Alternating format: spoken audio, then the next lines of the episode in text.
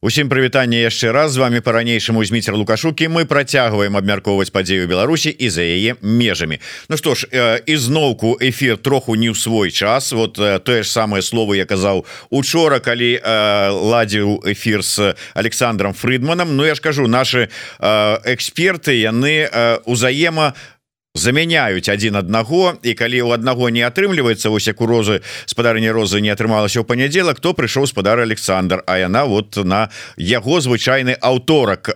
Такім чынам вітаю вас спадарня роза. Я разумею что вярнуліся з кангрэса даследчыкаў Беларусі. Да, добрый день міцер так звярнулася вельмі а... добрый был кангрэс вот э, якія ўражанні э, гэта вот такія эмацыйныя былі ўражанні вельмі добры кангрэс А як навукоўцы вот якія ўражанні ад мерапрыемства? Ну мне кажется что было много презентаций э, книг. Это очень важно потому что ну чем собственно говоря исследование можно подтвердить и закрепить Э, это, конечно, вот такой продукции, это в первую очередь книги, монографии, там разные темы были подняты. А, вот, и в том числе был представлен, вот ваша, по-моему, там состоялась презентация национальной идеи, был представлен а, белорусский ежегодник. Я являюсь также автором одного из, э, одной из частей белорусского ежегодника. Но нам тем более важно продолжать, не только издавать новые а, работы, но и продолжать э, дело, так скажем, наших коллег, которые на сегодняшний день, к сожалению, являются политзаключенными. Вот э, редактором белорусского ежегодника была Валерия Костюгова на протяжении многих лет. И вот сейчас мы продолжаем а, ее работу, в частности, Вадим Ажей, когда взялся, взял на себя вот эту а, почетную обязанность а, и был издан белорусский ежегодник. Там много новых авторов интересных. В общем и целом, ну, как бы я оказалась э, в такой хорошей компании. Это было замечательно с моей точки зрения, что вот наука даже в изгнании, она продолжает развиваться. Мы продолжаем собираться и делиться.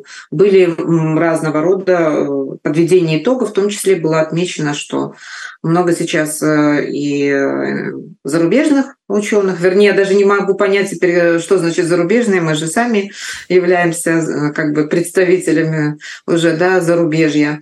А, вот. И была, были награды, в том числе в этом году впервые, по-моему, англоязычную статью э, наградили. Вот, поэтому интернационализация белорусской науки, несмотря на крайне сложные э, условия интернационализации, продолжается. Э, в общем и целом, я считаю, что это замечательный, позитивный такой пример. А, тем более, что в Беларуси ситуация крайне сложная, о чем, кстати говоря, и был э, вот доклад у э, Казакевича катастрофическое, я бы сказала, положение белорусской науки. Ну, вот этот конгресс отчасти может компенсировать какие-то, да, потери, которые мы понесли не только за последние там три года, но даже за последние десятилетия.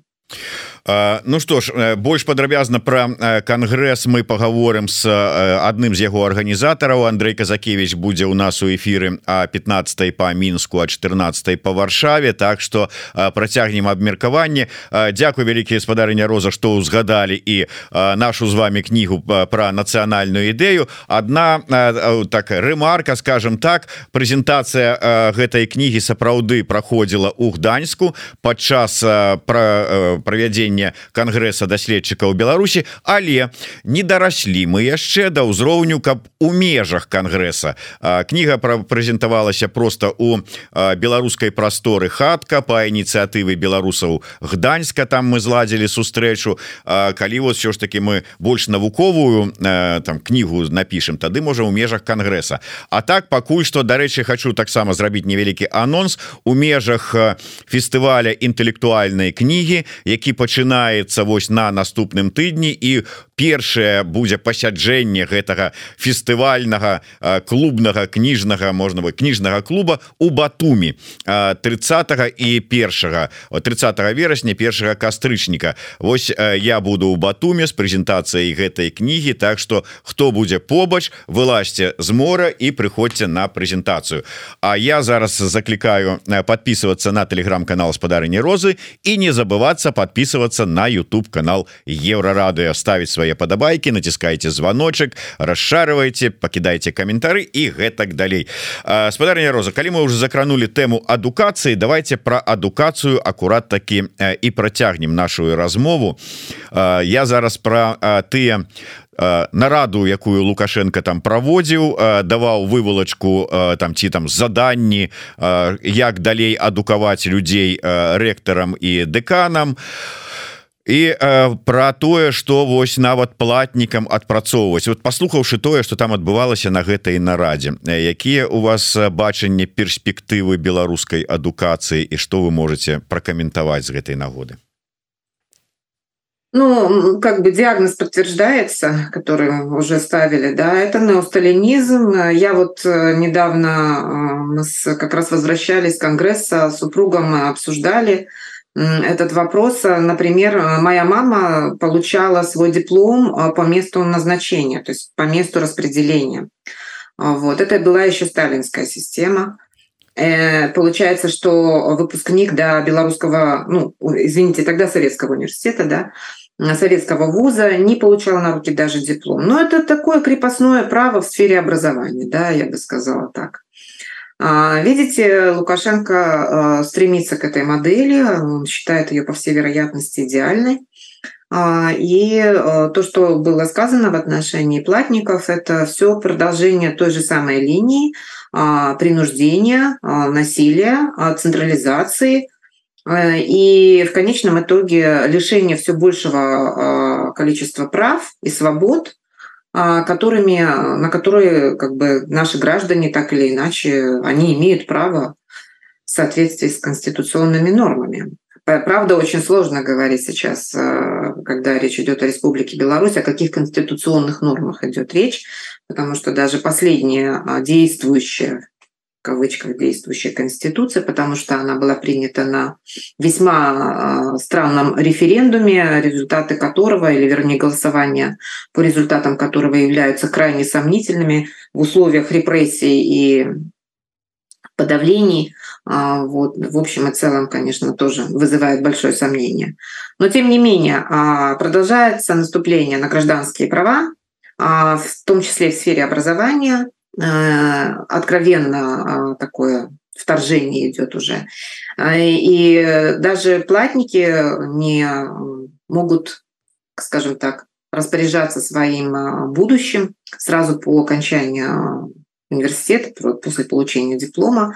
А, то есть э, такое будущее предполагает Лукашенко. Пока еще это не норма, пока это еще не принято, но, как мы с вами знаем, сейчас э, под козырек быстренько да, берут и выполняют. Боюсь, что, к сожалению, скорее всего, речь идет действительно о возможном введении распределения и для платников. Ну и в общем целом мы с вами видим по всем направлениям сейчас идет э, наступление. Там есть новости, которые попадают в средства массовой информации, а есть как бы истории, которые не попадают, потому что это очень такие детальные вещи, они затрагивают, может быть, не такое большое количество людей, там не весь, э, не всю страну, но тем не менее, которые свидетельствуют о том, что образование и наука на сегодняшний день находятся под таким очень большим прессом со стороны государства, и а, все, кто является, так скажем, участниками образовательного процесса, также являются а, объектами для репрессий, всякого рода репрессий. Я прыгадываю ранейшыя дыскусіі наконт размеркавання і заўсёды быў такі галоўны аргумент. Ну вот глядзіце дастаткова складана знайсці працу А тут у тебе размеркаванне. У тебе гарантавана что ты не пойдзеш атрымаўшы дыплом там дзе-нибудь под мостом іграць та самая там я не ведаю что там эту самую малинаўкі заслышаў галасок а конкретно поедешь на працу. Да можа быть не ў мінску но зато конкретно будешь мець працу. Але зараз вот глядзіце ўся вот гэта вот іржа у выглядзе нас з вами которая там спрабавала асесці на сусальном золоце лукашэнкаўскай э, дзяржавы яна з'ехала за мяжу. Свабодных працоўных месцаў дастаткова навошта? Вот нават платнікам э, гэтае прымусовае размеркаванне логика э, я думаю, что да, действительно, скорее всего, здесь э, соображение а, того характера, чтобы прикрепить буквально, да, раньше там прикрепляли к земле, теперь прикрепляют к рабочему месту. Государство, в принципе, Лукашенко хочет получить доступ к возможности людей заставить работать там, где они не хотят. Туда, где как там требуется там родине, кому там, я не знаю, государству. И действительно, скорее всего, речь идет о тех местах, куда люди не хотят ехать или э, а у них иные планы. Но вот вы насчет того, что вот э, работу там э, предлагают, да, чего тут как бы капризничать. Ну, все, конечно, хотят так или иначе устроиться по профессии, и эти старые советские привычки иногда там вырывались в качестве разных реплик там и интервью. Э, слышала я иногда от родителей, которые говорили о том, что вот э, диплом получили, а работу, работы нет, чему вы, вы там учите, что это за профессия такая, кто вас вообще как бы принуждал э, детей отдавать туда или иначе, или так ориентировать. Вы же должны как бы нести ответственность за будущее? Но это мне все напоминает, знаете что, ну, наверное, все девушки хотят выйти замуж, да, ну, какая-то часть, достаточно значительная часть. А вот, но это же не значит, что тот жених, которого предлагает тебе государство, тебе подходит, понимаете? Как бы свобода выбора, свободу выбора еще никто не отменял в, в смысле желания свободы выбора. Вот. А Лукашенко хочет отменить эту свободу выбора. Он хочет э, предложить именно того жениха, который э, на сегодняшний день подходит ему, главное, Лукашенко, не э, в данном случае не невесте. А вот, поэтому в этой связи еще, э, еще один момент. Фактически это получается покушение на такое понимание, как э, понятие такое, как рынок труда. То есть рынок труда тогда не нужен. Если есть система распределения, то зачем рынок труда? Он не нужен. Не нужна конкуренция. А, то есть э, в общем и целом это централизованная система планирования, да, там плановая экономика. Все эти старые советские схемы в голове у Лукашенко сидят как э, хороший ответ на все там, я не знаю, вызовы, которые перед ним стоят. Я так понимаю, сейчас они а, открыли для себя истину или, по крайней мере, пытаются ее каким-то образом ос- осмыслить относительно оттока качественного да, капитала, по поводу чего там а, Лукашенко на заседании высказывал свои претензии, я не знаю, кому он там их высказывает, самому себе пускай высказывает претензии. Это все результат его политики. Никто, кроме него, образованием у нас с точки зрения политической да, а, не занимался. Все остальные выполняли его поручения. Пытались как-то там урезонить или вразумить, но далеко не всегда получалось. А теперь уже как бы никто и не пытается ни, ни вразумить, ни урезонить. Он уже а, получил полную свободу рук, как говорится, языка, и теперь мы с вами видим истинное лицо а, Лукашенко и его размышления относительно а, того, каким должно быть э, образование. Но у него-то у самого образовательный бэкграунд и опыт, э, прямо скажем, не блестящий, вот, но ему кажется, что это, этого, этой, этой системы вполне достаточно для того, чтобы страна находилась в каком-то там состоянии, ну, не в состоянии развития, это же не про развитие, это же все про стагнацию и возврат назад. Ну не ведаю вот вы тут так выказаліся а там жа ж чалавек ну калі яго паслухаць ён і э, гісторык по адукацыі і э, как бы у свой час нават там вучыў народную газету э, рэдактара галоўнага верстаці правільна рабіць і па ўсіх астатніх сферах куды не паглядзі ён паўсюль мае нейкую там альбо адукацыю альбо досвед. А вы вот так выказываетеся але вы вот а вопрос какие оценки он получал и какой у него диплом. И самое главное, как бы, что у него, что это, что это за образование такое, в результате которого он, как историк, очень многие вещи просто-напросто игнорирует. Это э, я в целом, как бы понимая а, весь этот комплекс, как говорится, связанный с тем, что он заканчивал не дневное отделение и не там столичный вуз, я не, а, не, не из тех, кто там, скажем, высказывается в этом смысле, там, я не знаю, снобистски, да, но я думаю, что уровень и качество полученного им образования ну, далеко, далеко от идеала, как говорится. И его конкретно знания, как выпускника, а, демонстрируют а, не очень высокий уровень подготовки.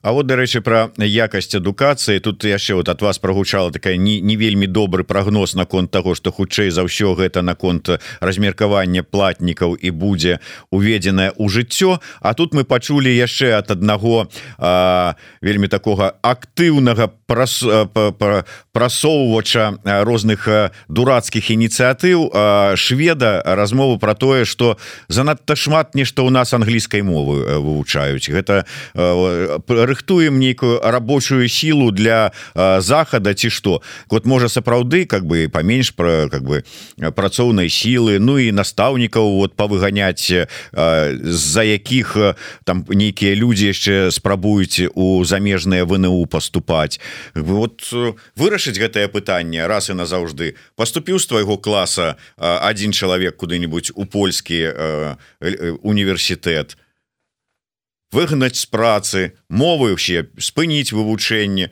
Ну все застануцца ў краіне Ну все нормально То, о чем сказал швед, это даже не вопрос образования, это вопрос уже идеологический.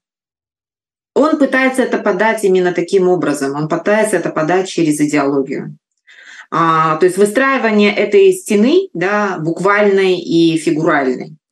А, вот, а, вот, вот чем он занимается. То есть это антизападничество да, выражается в том числе и в такого рода а, вещах. Надо сказать, что Министерство там, скажем, образования и просвещения да, в Российской империи всегда было одной из самых реакционных. И судя по тому, что говорит швед, я думаю, он ориентируется, скорее всего, на те старые, а, те самые как бы, типы да, или модели. А, что касается английского языка и вообще иностранных языков, то в общем и целом в Беларуси эта ситуация в школах-то и не очень хорош, хорошая была, особенно что касается школ не, а, там, скажем, не в крупных городах, да, а в небольших местечках и тем более, там, скажем, в сельской местности. Там вообще с этим, в принципе, были проблемы, проблемы с э, преподаванием иностранного языка. А я вспоминаю, э, был проект замечательный, э, в котором принимали участие в том числе и мои выпускники, выпускники на минуточку факультета международных отношений принимали участие в проекте, где они выезжали из в такие небольшие сельские, сельские там, я не знаю, там какие-то там населенные пункты, да, и э, преподавали там английский язык детям. И они потом мне писали о том, а, зачем это надо делать. То есть они не, не так, чтобы сидели в Минске э, на факультете международных отношений, размышляли о том, как бы заняться распространением английского языка и втягивать, скажем, все больше молодежи и детей в э, процессы глобализации, чтобы у них открывался вот этот доступ к литературе, к знаниям там, и так далее и тому подобное. Потому что ну, английский язык — это в первую очередь необходимость для того, чтобы э, увеличить свои шансы интеграции в мировой образовательный вообще, в принципе, процесс, в мировое образовательное пространство. Вот. А они мне описывали это уже исходя из опыта, который они получали на месте. Я имею в виду вот в таких небольших а, поселениях. А, и они говорили о том, что это надо еще и не только для того, чтобы человек поступил там условно из каких-нибудь, да, вот таких вот небольших а, городков прямо сразу в Гарвард, да, но это необходимо для расширения кругозора и, в принципе, ощущения перспективы, потому что э, они вот э, были в таком достаточно шоковом состоянии от того, что детей не приучают мечтать, а детей, деть, детей не возят и ничего не показывают. И вот э, такая одна моя выпускница, в частности, да, они не только занимались преподаванием, она не только занималась преподаванием английского языка, но через английский язык она пыталась открыть детям другие возможности и другой мир. И э, вот, мне кажется, это гораздо более важным является, гораздо более важной, например, функция образования и в целом понимание, для чего нужен иностранный язык. Для этого нужен. для того, чтобы расширить этот кругозор, иметь представление о том, что есть все-таки перспектива, э, о том, чтобы приобщиться к благам цивилизации. Вот о чем идет речь. И чтобы э, они это, это смогли потом принести, привести к себе и сделать у себя нечто а, лучшее, э, давать возможность своему, там, я не знаю, а, своей вёске, там, своему городку а, развиваться. Это же не обязательно, что все должны прямо уехать это мы вынуждены были уехать. Я не собиралась уезжать. И очень много моих выпускников, особенно тех, которые учились как раз именно в эти годы, э, когда была наша революция, они не планировали уезжать из Беларуси. Это было вот этот период, когда выпускники факультета международных отношений, большая часть начала оставаться в стране. Ну а, тут конечно да але ж что вы хочете вы кажете там водка поехать поглядеть там вот привесці і что яны привязуть яны прывязуць разуменне что старшыню сельвыканкама там цірай совета цірай выканкама не прызначаюць а выбіраюць і что ён адказны перад людзьмі а не перад начальнікам у области а то яшчэ перад адным начальнікам. Яны яшчэ подумаюць что на прэзідэнцкіх выборах некага могуць выбіраць насамрэч. Галасы лічыць могуць а не тое что вот вот это вот все то вот это вот загнивающего запада попровезут всякие потом скрепы белорусские лукашенковские рушатся. И потребовать качественного образования для себя и детей в том числе и от учителей. Кстати. Да и еще скажут военкомов на нам приберите оттуль и идеологов нам не надо на заводе. Ну что вы хоть варите але давайте вот про сапраўды про выборы неяк вот я гляжу актавізаваліся там унутры нейкія размовы про выбарчы процесс за зараз же ж вот выборы там у куды там нібыта выборы у нібыта парламент. Вот гайдукевич там бедную вещь і схваляваўся думаю як же ему там выбарчую программу сваю там написать і зладзіць акции там у сваё по сваім вылучэнні. Вы чаго чакаеце? Івогуле что будзе гэта за электаральная кампанія на ваш погляд? І навошта яна ўвогуле лукашенко на сёння вот это это самый интересный вопрос. Зачем вообще им выборы Зачем вообще им выборы? То есть это, ну, вот эта игра, а, которая была сломана фактически в 2020 году, которая абсолютно четко и ясно показала всем. Я не знаю, кто еще может верить в то, что а, в этой стране и при этой системе, и при э, Лукашенко возможны выборы. То есть буквально, да, выбрать того, кто тебе там а, нравится, та программа, которая тебе ближе там и так далее и тому подобное. Вот вопрос, зачем это нужно, вот это даже уже не лицемерие, я не знаю, на, на, на грани чего это можно описать. Тем не менее, вы знаете, диктаторы все-таки не любят, когда их называют диктаторами. Им, по всей вероятности, хочется продолжать, как это сказать, это даже не самообман, это что-то вроде вот в, это, в эту игру о народной любви. А, хочется э, думать о том, что все-таки с тобой согласны не потому, что тебя боятся, а потому что с тобой согласны, потому что ты такой разумный. Вот. И э, то же самое, что касается э, парламента. В Беларуси нет сейчас парламента. В Беларуси есть там палата представителей. А, э, чьих представителей – это большой вопрос, потому что на самом деле они туда фактически получили определенное назначение. Им было предложено, их назначили. Вся эта схема там, серая схема, там, как на рынке, да, а, работает. Там у каждого своя роль, там у посредников, форцовщиков, как там в советское время было, да. Теневая схема там это работает, на как бы э, фасаде все это называется выборы, э, нас пытаются заставить принимать участие в этом фарсе. Зачем это необходимо? Ну, вот в имитации. Это имитация, имитация государства имитация выборов, имитация того, что называется республикой, да, потому что республика это все-таки народное правление, а не монархия, да.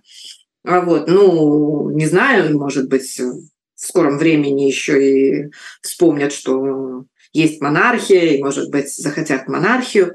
Но у нас с вами все признаки, не только диктатуры, но и вот такого рода а, а, ширмы и имитации в государство которая э, не получает никаких подкреплений э, с точки зрения вот, ну, как бы реальности. И все, что мы с вами сейчас видим, все больше и больше уже мне напоминает даже не Латинскую Америку, а Африку.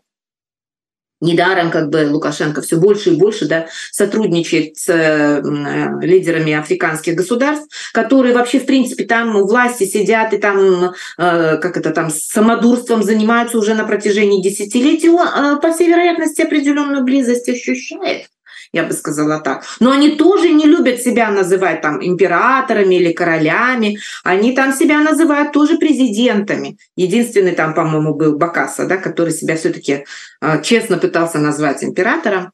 А, вот. А все остальные хотят себя называть президентами, потому что они вот имитируют вот эту игру под названием государство, чтобы приехать в ООН и сказать, что они действительно законно избранные президенты, чтобы тусоваться между с, с, с равными ими, да, как они э, представляют и воображают.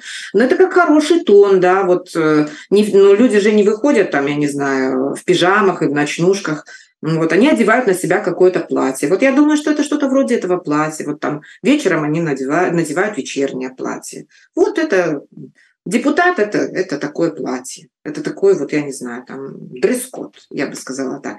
Нет содержания. Там пустота сплошная. Там ничего нет, они ничего не решают. Они ни в чем не принимают участие. Олег Гайдукевич, когда вот в этом в Палате представителей получил, по-моему, у него была возможность, он, по-моему, вошел в комитет по образованию или решался вопрос о том, что он, представляете, Гайдукевич, да, в комитете по образованию. И мы с ним, э, когда периодически встречались за кулисой там, белорусского телевидения или УНТ, он говорил о том, что если там вам что-то понадобится, так вы говорите, мы там чуть не ли пролоббируем. А, я всегда, в общем, а, отделывалась там, скажем, улыбкой, потому что прекрасно понимала, ничего они там не решают. Ты не менш глядзіце вот я зараз нават не про закрыццё навідаць апошняй такой больш-менш апозіцыйнай партыі справядлівы мир які зараз вот абскарджванне это рашэнне ідзе. І нават не аб закрыцці фонда дзецям Чорнобыля але по подчищается ўсё. Нейкі там добрачынны фонд Ивана русского там не нешта-то першы раз чую такое. Нешта ўвогуле вычышчаецца ўсё. Яны ад усяго а бачаць небяспеку нават праз тры гады? Думаю что да. Думаю что у страха глаза великие. Я думаю что для них было вот этим шоком когда э, считалось что они в полной мере контролируют пространство политическое да что так не рванет что из как из неизведан не как там неизвестно из каких там организаций вполне безобидных да а, как признавалось там, например, в 2015 году, в 2016 году гражданского сектора, вдруг вырастет протест. А, вот, поэтому там обжегшись да, на молоке, там на воду дуют. Это, во-первых. Во-вторых, ну, я думаю, что стерилизация пространства э, – это такой уже, такая уже игра, а, нацеленная на то, чтобы добиться ну, такой, я бы сказала, благосклонности Лукашенко и заодно обезопасить себя с точки зрения вот, обвинений там, в нелояльности, в причастности к протестам. Я думаю, что Лукашенко докладывают, э, какие люди-то ходили в 2020 году на марше. Там же пол Минска было 16 числа. И я думаю, у него паранойя конкретная развивается, если уже не развилась. Я думаю, он всех подозревает.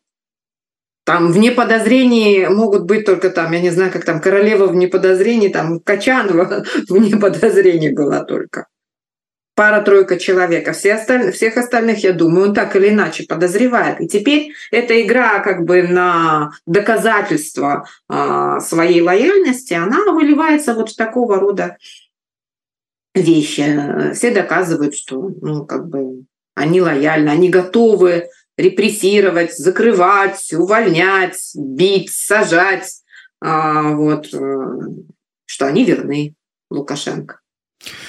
Ну да толькі відаць все ж таки такое пажыранне самой себе сябе сістэмы рано ці позна пачнецца все ж таки гісторыя не можа падманываць у гэтым сэнсе Другое дело, что вот это, как говорится, деструкция, это то, о чем говорил э, Дмитрий Круг, да. Он описывал, правда, экономические процессы в Беларуси. Он говорил о том, что там мы там все ожидали, что экономика рухнет, там, что торговля рухнет из-за санкций, там и так далее, там подобное. Этого не произошло, даже напротив а, случились иные как бы процессы. Но он сказал, вот эта э, деструкция, то есть буквально да, разрушение изнутри системы, когда вот этот идет отток э, человеческого капитала качественного, да, когда идет архаизация управления, да, возврат к а, тем практикам, которые были 15-20 лет тому назад. А что касается управления системой образования, это вообще даже откат не в советскую эпоху и даже не в сталинский период, там вот эти вот все проректора по безопасности, это все уже даже изобретение, нововведение. Все это направлено на такую деструкцию общества, а, когда общество атомизируется, и нет ничего, вокруг чего бы общество объединялось. Ему внушают мысль, что вокруг него народ объединяется, он единственный, кто может объединить народ. А на самом деле идет полная деструкция. То есть люди разбегаются в разные стороны буквально и фигурально кто во внутреннюю миграцию, эмиграцию уходит, кто в буквальную миграцию уезжает. И вот э, он, видя последствия всего этого, что он, единственное, что он может предложить? Закрыть, там, распределение, не пущать, наказать, там, э, учителей, директоров школ, где выпускники, да, ставили апостиль, понятно для чего, для того, чтобы уехать. Но от этого процесс не останавливается он еще больше интенсифицируется, до него не доходит, потому что у него логика абьюзера. Он никогда на этот мир по-другому не смотрел. Он знает только одно, что эм, чтобы заставить человека делать то, что ты хочешь, надо его бить, заставлять и орать на него. Вот это единственное, что он знает. Он не понимает, что значит позитивная мотивация. И в голове его гулаг сидит. Вот в чем дело зато якія э, э, кар'ерныя перспектывы у хуйвайбінов открываются Ну вы что зараз э, глядите пройдзе не як там пройдет немного времени и стане э, ректором э, полоцкого державного университета азаронок вот э, атрымая э, дыпламатычны вопыт шпаковскі у Москве и стане вот э, як там факультэт ФМО ФМО узначаліць Ось я не ведаю там дерман глядзі глядзіш таксама пойдзе по кар'ернай лестнице узначаліць БТ. Нормально все будзе ну. Ну, я не сомневаюсь, что при таких кадрах все будет нормально, в кавычках нормально, потому что если мы с вами вспомним о сталинский, как, говорится, призыв да, тех, кого он вокруг себя отбирал, объединял. Ну, Никита Сергеевич Хрущев, конечно. Это люди, кстати говоря, там еще надо отдельно будет посмотреть, в каком поколении а, вот это вот партийное руководство да какой процент э, были грамотные с точки зрения там, получения университетского образования. А, по-моему, первым таким человеком был Горбачев, если я не ошибаюсь. Может быть, я ошибаюсь, надо будет проверить. Вот, потому что ну, вот этот вот э, первоначальный там уровень да, большевиков, которые были такие, совершали революцию, их вычищали, а вот Сталин их убирал в том или ином виде, а тот второй эшелон, который поднимался, да, вот на ступень выше, и, там вставал не рядом с ним, но за ним, да, шел. Вот это были люди уже совсем необразованные. А эти совсем необразованные люди, за ними шли люди, может быть, э, чуть-чуть образованней, но не намного, потому что как бы никому не хочется, никакому начальнику, дураку не хочется иметь подчиненных слишком умных. Поэтому вот это вот э, негативный отбор, вот это выражение буквально негативный отбор, этот негативный отбор, по-моему, на протяжении всего э, советского периода он так или иначе присутствовал в партии. Понятно, что там выживали э, хитрейшие да, приспособленцы, как Микоян, да, с его э, между струйками. Но в целом общий уровень образовательный был крайне низкий. Ну да ніхто ж не адмяняў гэтага там как бы падначалены павінен мець выгляд зухаваты і прыдуркаваты самое галоўнае.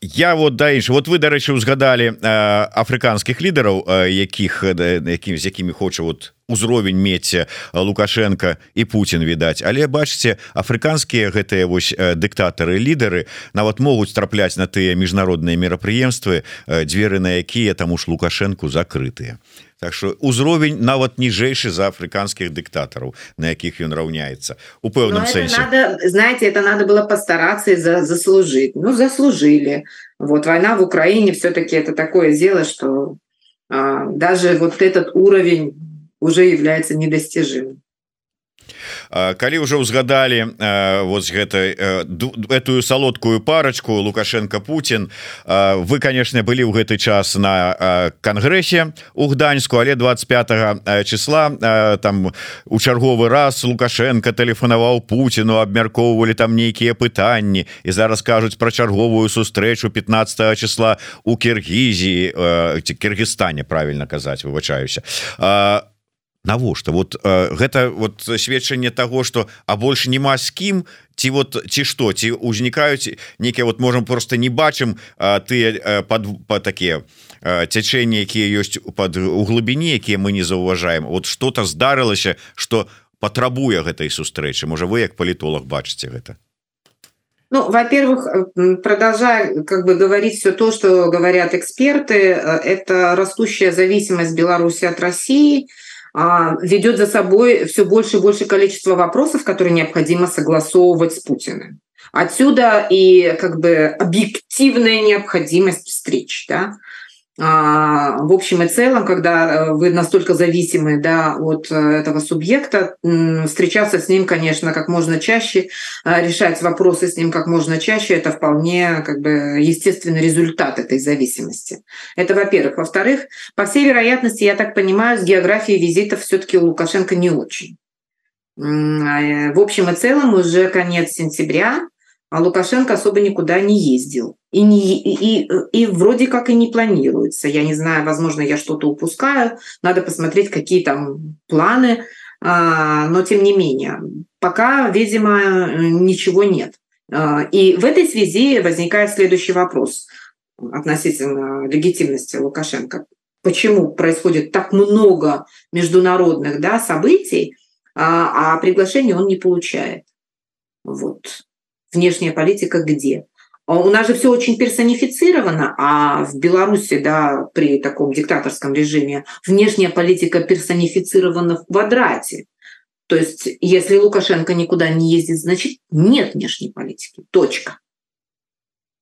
Э, у меня вот, как у международника, да, вот такой э, вопрос. Первое, с чего начинается анализ, это чистота визитов и их география. Это, ну, самое простое, то, с чего начинается, да. Где география? Где чистота? Ничего нет. Значит, нет внешней политики. Она так и находится в том состоянии, в котором а, оказалась, а, начиная где-то с конца 2020 года. А можа быть э, расстаўлены прыярытэты можа быть важней ўсё ж таки на кароўніку там магілёўскую вобласць з'ездзіць чым куды-небудзь там вот э, Ну что там патусавацца турызм такі палітычны да як там кажуць А тут да, реальная конечно, проблема я... Ну, поездки по стране, конечно, для президента важны, но мы же с вами говорим не о президенте, мы же с вами говорим о диктаторе. А чего он не знает еще про тут коровники, я не знаю, где э, в Могилеве, в Могилевской области. Все он про них знает. А, но нет, э, как бы, нету приглашений. Вот в чем дело. Пока география визитов... Был какой-то у него период, вы помните, да, буквально там в начале 23 -го года, с весны, у него был ряд визитов, причем таких серьезных, там фанфары звенели, все СМИ пропагандистские, захлебываясь, я бы сказала так, в слюне собственной, а, все это расписывали в течение, там, я не знаю, двух недель растягивали это, извините меня, обсасывание визита. Вот там, например, в Китай, да, там в Иран. А, но сейчас пауза какая-то, это странно. Я вот не, не, у меня нет информации инсайдерской. Вообще-то, в принципе, должен, должен быть э, саммит ШОС. А на саммите ШОС Лукашенко должен приехать и официально как бы стать членом Шанхайской организации сотрудничества. Но кроме ШОС что? Ничего, по всей вероятности. Нет, ну были конечно да значныя визиты. Одни проводы вот калі там разом с козлом его справажали с Зимбабве это вот выглядало вельмі так ну да с Зимбабве все это там начиналось я бы сказала так и потом был такой как бы прямо ряд целый. Я выскажу смелое как бы спекулятивное предположение это не недостоверно но я выскажу после всей этой истории с ЧВК «Вагнер» и туда же, в ту же копилку техническим, о, тактическим, извините, не техническим, тактическим ядерным оружием, я думаю, что а, вот а, с этим связана пауза в визитах Лукашенко. А... Не зовут, не приглашают. А, ну ладно яшчэ можа быть ядерная зброя зразумела а вагнер тут вот прычым ну калі мы кажам не про заходні ўсё ж таки вектор а іншае вот чаму нават туды его не запрашаюць? Прычым тут вагнер? А, ну во-первых ЧВК вагнер э, надо сказать что в отношении ЧВК вагнер есть очень разное разные, скажем так, мнения, в том числе и на, на африканском континенте. Там же далеко не все африканские государства, извините, в восторге деятельности ЧВК «Вагнер». Это первое. Второе, что касается, в принципе, репутации ЧВК «Вагнер». А, на грани признания фактически террористической организации. Уже не говоря о том, что совершил Пригожин с этим, со своим маршем, да, и вообще непонятно теперь, и статус теперь этой компании, вообще непонятный. Это, во-первых. И совсем с этим связано теперь имя Лукашенко. Э, мне кажется, что э, прежде чем вообще приглашать, там взвешивают в МИДах разных стран на разных континентах. Стоит ли так себя подставлять или нет? Я думаю, что они решают в пользу того, что пока не стоит. Пока ничего позитивного, связанного с именем Лукашенко, нет международной арене Дарэч вот калі про вагнер узгадалі з'явілася некалькі дзён таму інфармацыя про тое что вагнера ў Беларусі амаль не засталося там что-то там тысяча плюс-мінус Ну і гэтак далей і гэтак далей. І тут вось буквально калі тут учора заўчора з'яўляецца інфармацыя что да ўсё нормально там с вагнером с России пошла інфармацыя у Беларусі мы продолжаем выполнять задачи Ну как как это там где-то там яшчэ яны там працягваюць выконваць задачи але з чаго раптам адтуль з расійскіх телеграм-каналаў пайшла гэтая інфармацыя Ну вброс классический Да а мэта мэта цель нет абсолютно четкая видна цель а цель заключается в том чтобы предотвратить эм, или продолжать поддерживать в таком же плохом состоянии если не сказать очень плохом состоянии отношения Беларуси с ее соседями имеется в виду с Польшей и Литвой а, поэтому в этом смысле абсолютно ну, ясно, зачем это делается. ЧВК «Вагнер» все еще в Беларуси, он вам все еще, эта компания вам все еще угрожает, поэтому давайте-ка вы там прекращайте свои попытки а, как-то там а, там, пригласить, наладить диалог там, и так далее, тому подобное, с какими заявлениями неоднократно уже выступал министр обороны Хренин. Вот. Я не думаю, чтобы это России э, очень нравилось, Кремлю нравилось. Ну, вот он осуществляет такого рода информационные диверсии. Это информационная диверсия. Ну мэта ж запрашэнне там хрэніна просто праца на вот імідж міратворца лукашэнкі і Беларусі Ну чым яна вот все ж выдатна разумеюць ну прыедзе там два з паловай польскіх военных назіральніка на нейкія там вучэнні і что это зменіць адносіны з Польшай гэта не палепшыць асабліва улічваючы няспынную рыторыку антыпольскую лукашэнкі навошта им так стараться? Вы имеете в виду э, российских этих э, да да да что вот там каналы да они вообще в принципе любые поползновения пытаются пресечь. Я думаю что это вообще просто такое как бы предупредительный выстрел в воздух я бы сказала так то есть это не, э, не, не серьезная компания. Вот серьезную компанию, если будут разворачивать, то они там будут ее разворачивать с такой уже был, будет ясно со всех сторон, да, как они будут разворачивать. А вот, в том числе, если вы помните, когда было время диалога да, между Беларусью и Европейским Союзом до 2020 года, мнение там Кремля относительно Макея высказывалось там неоднократно на всех уровнях. Даже ко мне подходили представители российского посольства и говорили о том, что Макеем очень недовольны в Москве. Ну, то есть, э, и там эти все как бы эм, уровни там задействованы для его там дискредитации, для того, чтобы его убрали, там высказывалось это недовольство и так далее тому подобное. А российское руководство всерьез было обеспокоено этим диалогом и предпринимало очень много усилий для того, чтобы это так или иначе предотвратить. А вот, ну, как бы э, в двадцатом году уже и стараться не надо было, все сами сделали, сами себя преподнесли на блюдечке с голубой каемочкой.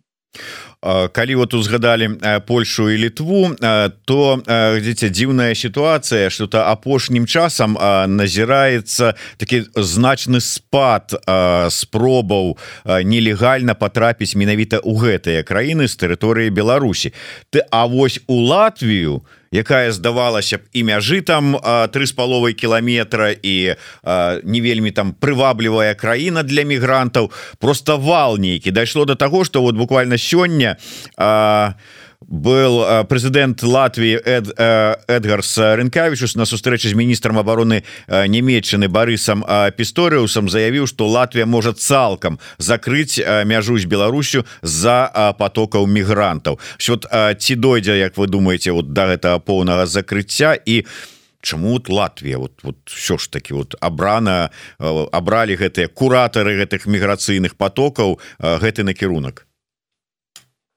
Ну, понимаете, что касается Литвы и Польши, это уже направления отработанные, понятные. В Литве и в Польше уже сформировано четкое представление и такая повестка относительно безопасности. А, и э, я бы сказала, вот эта история связанная, это как бы, ну, возможно, сложно схематически так объяснять, надо более как бы подробно, но с моей точки зрения, а, для того, чтобы быстро эскалировать ситуацию с Литвой и Польшей, сейчас не нужно слишком много шагов делать. Поэтому здесь стараются аккуратно. А чего нет с Латвией? С Латвией у нас нет железной дороги. Возможно, дело в этом. Возможно, дело в том, что э, э, сообщения с Литвой и Польшей и транспортные потоки, которые идут через Литву и Польшу, делают эти страны более как бы ценными с точки зрения торга, а торг, очевидно, был, вы помните, они же буквально э, решали вопрос 28 августа, закрывать границу или не закрывать. А что касается Латвии, то ситуация совсем иная. Железнодорожного сообщения нет, основной товарный поток идет не через Латвию, но, по всей вероятности, необходимо каким-то образом поддерживать в тонусе Европейский Союз, чтобы он осознавал, что и с Минском надо все еще разговаривать и, а, может быть, что-то предлагать. Вот. Поэтому я думаю, что вы выбрано в, в определенном смысле а, вот я исходя из логики, у меня нет никакой конкретной информации, я исходя из логики. И есть еще факт того, что э, граница э, Беларуси э, с Латвией, она наименее, как это сказать, отстроена и там инфраструктура на, на, слабейшая, я бы сказала так. Если литовцы и поляки а, очень много что предпринимали а, и выстраивали там буквально там заборы, да, ограждения, а, усили, усиленное внимание погранслужб, полицейских служб, военных а, относительно вот а, границ с Беларусью, то в Латвии на этом фоне почти ничего не делалось. Ну, латвийское направление было всегда в этом смысле второстепенным, маргинальным, опять-таки по тем же самым соображениям я имею в виду транспортную инфраструктуру. Поэтому вот это слабое звено, сейчас это слабое звено, оно используется. А, и э, Латвия не может так, знаете, сразу за несколько дней развернуться и выделить большое количество средств для того, чтобы отстроить эту инфраструктуру. Все, что они сейчас могут, это перекрыть там урбаны, да, условно говоря. Но э, мигранты это не через программу переход идут, они же, извините меня, окольными путями, полями и лесами идут, а там ничего нету. Там эта инфраструктура еще не, а, не отстроена. Отсюда я думаю, что вот э, такое, такое направление.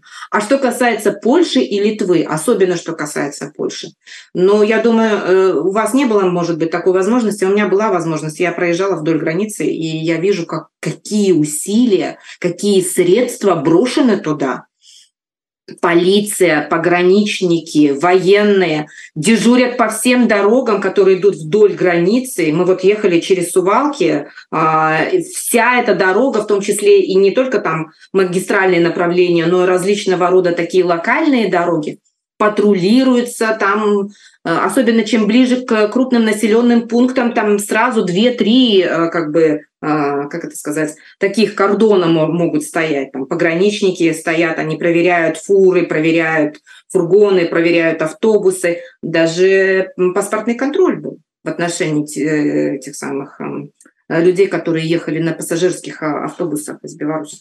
На границе Литвы с Польшей не на границе с Беларусью, на границе Литвы с Польшей. Сейчас очень усиленно контролируется вот это вот Подляшье и, собственно говоря, Сувалкский коридор. Там силы серьезные сосредоточены, это видно. Теперь в этой связи у Латвии нет сил. Они свой бюджет так не планировали. И сейчас, я думаю, они находятся в таком сложном положении, потому что они раньше об этом не думали. И у них во внутриполитической повестке, кстати говоря, Беларусь как угроза не, сто... не стояла. А вот что касается Польши и Литвы, вовсю. Все политические кампании избирательные так или иначе задевают вопросы, связанные с безопасностью, которые и угрозы, которые сходят с территории Республики Беларусь. Я думаю, вы, живя в Варшаве, вы знаете, что это постоянно обсуждается.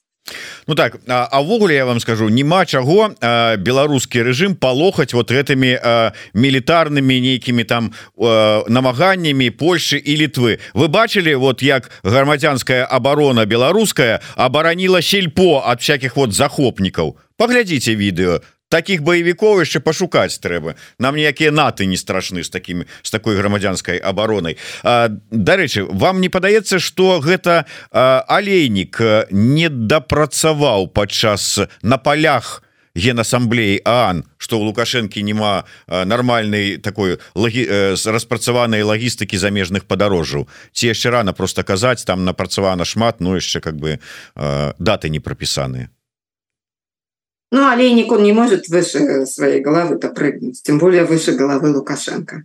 А вот. Все, что он сейчас делает, э, и все его старания, они укладываются ровно в то, что в тот кредит э, доверия, который остался у Лукашенко, не у Олейника. Олейник не министр. Э, Еще раз, Олейник просто порученец. В Беларуси нет министра, в Беларуси просто порученцы. Э, министры, они вон, у них там кредо политическое, они из партии выходят определенных, а это не министры, это так.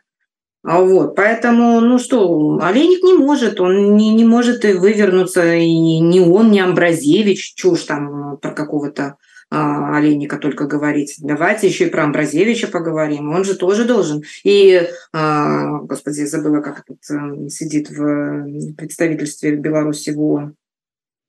М-м, уже забывать стало. А где они все? Они же там сидят все время. Что они не делают? Что они, чего они не, не, не доделали еще? Что они еще не, не, не смогли предложить? Ну, не смогли, видите.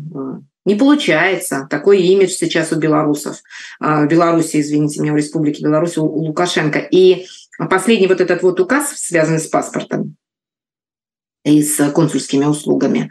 А там создают дополнительный такой негативный флер, который еще, еще выльется во что-нибудь. Я думаю, что там вон, а, особенно на уровне там, управления Верховного комиссара по правам человека, надеюсь, по беженцам еще, а вот там, там уже все как бы складывается, определенные эти мнения. Эксперты будут сейчас, э, вот эти докладчики, которые, а, спецдокладчики, объединяться и выступать там как бы это все мимо не пройдет. Ну добра на, на завершэнне вот вы так а, так вельмі так негатыўна выказалі про магчымасці і зробленая там скажем вот этими лукашэнкаўскімі міністрамі і замміністрамі Ну добра тихохановская таксама мела шмат сустрэч. І что? Вот такие як кажуць КПД КПД, я думаю, как там, цыплят по осени считают. Так вот, КПД – это первый этот, этот э, национальный паспорт, да, обсуждение этой тематики, продолжение э, обсуждения темы поддержания, да, э, политзаключенных, вернее, компенсации, да, потерь, связанных с пребыванием, да, в тюрьмах. Вот, ну, такие КПД. В общем и целом, кстати говоря, КПД был неплохой. Я думаю, что особенно на фоне этого указа, КПД получился не, в общем, не, не, не, неплохой с моей точки зрения ее все еще продолжают не просто воспринимать, а продолжают с ней встречаться, и уровень представительства демократических сил постепенно становится институционализированным при различного рода международных структурах. Вот. И я смотрю на и офис, и Светлана Тихановская, и сама Светлана Тихановская встречается с, все большим количеством людей по разной тематике, от ядерного оружия, заканчивая правами человека. Ну что ж будем сапраўды чакаць восенніка потым палічыць там усіх цыплянят такія паглядзім будуць яны ці не будуць і якой вагой яны атрымаюцца. Что ж Дякую вялікі. На жаль трэба завершаць наши цікавыя размовы с гаспадарыняй розы турарбекова яшчэ раз нагадываю усім подписываться на яе YouTube телеграм-канал YouTube канал пакуль яшчэ не заснавала. Думаю не за гарамі і гэта рашэнне. Ну а YouTube канал еўрарады ўжо існуе на які можна подписать подписаться за расшарыць подкидывать свои каментары Ну і что далей рабіць самі ведаеце але захоўваеце ўсё ж таки прынцыпы бяспеки. Дякую вялікі Роза турабека возьмите лукашук. Слухайте глядзіце подписывайтеся. Жыве Беларусь. Жыве